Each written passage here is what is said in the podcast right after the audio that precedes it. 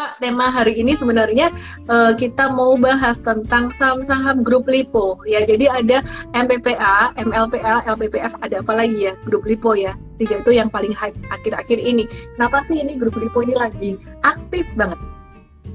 Hmm, sebenarnya kalau dari grup LIPO ini sentimennya lebih banyak dari uh, gabung dengan ekosistem Goto ya. Jadi uh, yang kita tahu kan memang si Goto ini pengen masuk ke groceries ya. Jadi uh, karena MPPA ini kemarin yang punya hypermart, jadi ya memang sentimennya ke sana.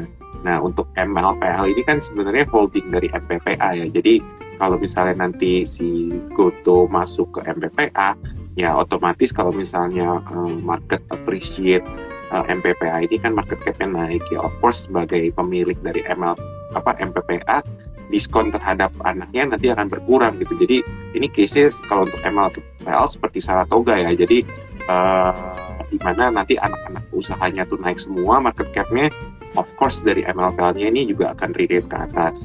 Nah untuk LPPF sendiri kan memang ini kemarin ada yang dari perusahaan yang ingin beli ya, jadi uh, kayak pengen masuk ke dalam uh, si LPPF ini. Cuman, cuman teman-teman bingung kok LPPF bisa naik ya, padahal kita tahu toko ditutup, uh, kenapa bisa jadi naik gitu. Jadi basically ini persepsi aja, jadi market mungkin udah forward looking juga uh, ada kemungkinan besar mungkin MPPA eh sorry LPPF juga mungkin bisa masuk ke ekosistem digital juga. Saya nggak tahu ini benar atau enggak uh, tapi uh, saya rasa sentimennya lebih ke arah sana ya karena kalau kita lihat valuasi MPPA udah naiknya cukup tinggi ya. Kalau kita lihat MLPL juga tinggi hanya eh, apa LPPF aja sebenarnya nggak ketinggalan gitu. Walaupun kalau kita lihat ya matrix uh, same store sales growth penjualan dari uh, retailnya itu ya pasti jelek kena covid itu jadi ya saya rasa lebih ke arah sana sih sentimennya gitu. Uh, bandingin juga ya kayak Asus juga kemarin mungkin teman-teman bingung juga. S hardware tokonya tutup di mana-mana tapi kemarin naik gitu. Jadi ya market itu nggak price ini hal yang ke belakang tapi sebenarnya udah lebih expecting ke ke, ke forward looking ya. Ya, bicara tentang S hardware ya teman-teman ya, kita juga saya juga ada bahas di uh, morning briefing kapan ya? Kemarin kayaknya. Kemarin atau tadi pagi. Kemarin ya. Kemarin bareng dengan coach Andrew juga. Jadi teman-teman yang di uh, M-Trade VIP M-Trade ya mesti harus lihat morning briefing. Mesti harus lihat morning briefing. Ada coach Andre di situ dan uh, saya juga masuk juga. Kadang-kadang juga ngeliatin juga. Jadi S hardware ini udah naik sangat signifikan sekali dalam perdagangan beberapa hari terakhir 29 persen atau sekitaran 30 persen dari 1 Juli. Dan kemudian uh, dia udah mentok di MA 200-nya yaitu di angka 1570 dan tiga hari ini susah banget lewatin itu. Jadi perkiraan saya S hardware ini dia bakalan konsolidasi dulu dalam jangka dalam jangka pendek ini. Dia akan konsolidasi antara range aku cariin dulu angkanya ya aku hitungin dulu 1570 sampai sekitaran 1430. Ya, jadi kemarin saya juga saya nggak selalu benar teman-teman. Jadi ketika saya ngukur di gudang garam bisa turun atau retrace itu sampai ke level 40 ribu 39 ribu dan itu kejadian uh, dan sepertinya level itu tuh jadi area support gitu di GRM jadi area support buat buat mungkin para value investor kembali ngumpulin di harga uh, dan valuasi yang masih terdiskon ya. Jadi dua hari sempat naik. Nah untuk akses ini S hardware ini juga ada potensi untuk koreksi normal. Itu itu sangat normal sekali. Sekitaran level 14 ya aku ulang ya. Aku ulang 14 uh, 2 20 1420 sampai dengan 1450 lah 1420 sampai 1450 jadi teman-teman uh, kalau yang trading jangka pendek atau mungkin kamu sempat punya posisi kebanyakan di akses mungkin untung mungkin rugi saya nggak tahu juga better exit dulu. Better exit dulu atau kurangi posisi. Kalau misalkan modalmu modal bawah modal bawah itu berapa sih? Modal bawah itu di bawah 1350 tuh modal bawah. Kalau masih mau hold, uh, expecting untuk jangka menengah boleh. Tapi kalau di atas itu, di atas terutama di atas 14.20, better profit taking dulu karena bakalan bisa balik ke sekitar angka-angka itu lagi. Disclaimer juga nggak ada yang 100% tepat, uh, tapi probability kalau kita lihat berdasarkan analisis teknikal sering kali kejadian. Oke, okay, Pak Andre, kalau bicara tentang MPPA dan juga MLPL sendiri, uh, kaitannya dengan new economy ya. Jadi ada mungkin merger and acquisition atau uh, pengembangan di bidang ekonomi kayak yang kita ketahui juga ya, di mana MPPA ini juga ada menggandeng menggandeng Gojek Tokopedia juga. Uh, ya, dengan Gomar dan juga ada toko virtual. Dia bikin toko virtual di 31 wilayah Jabodetabek. Uh, gimana prospek untuk MPPA dan MLPL ini untuk untuk ke depannya, terutama untuk pengembangan teknologi?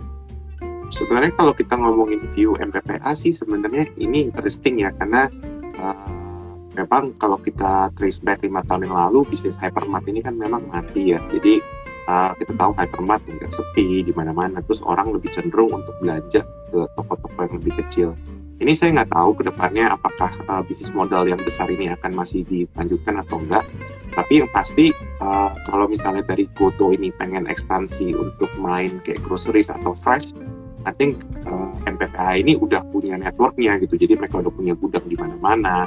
Uh, terus kemudian juga mereka juga punya yang smaller uh, store uh, lebih kecil.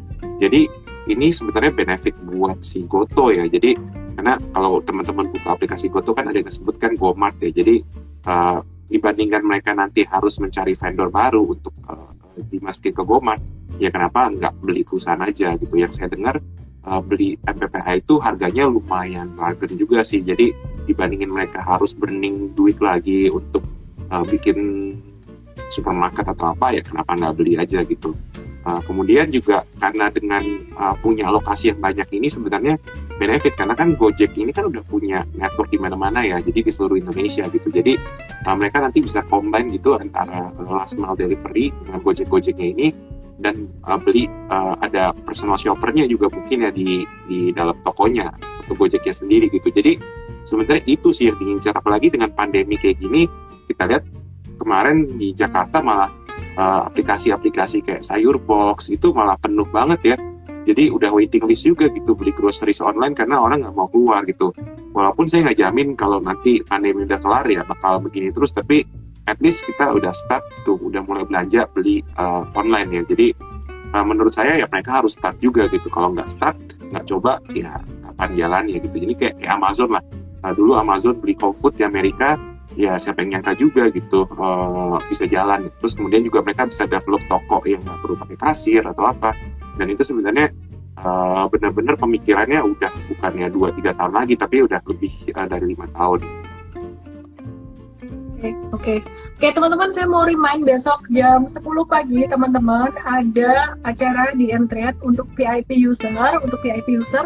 Uh, langsung aja, teman-teman, join besok ya, jam 10 pagi ada Pak Andrea, dan saya, ada Bu Marta dari Mirai Sekuritas yang bakalan bahas tentang healthcare. Bu Marta, uh, untuk Coach Andre dan saya akan bahas tentang WFH stocks dan juga secara fundamental dan secara teknikal, money management, pasti, makro juga kita akan bahas uh, khusus untuk VIP user dan teman-teman yang mau join VIP untuk Mtrade langsung aja klik link di bio saya di Instagram di bio saya. Klik link di situ atau ke mtrade.id mtrade.id garis miring WhatsApp atau mtrade.id aja bisa di situ.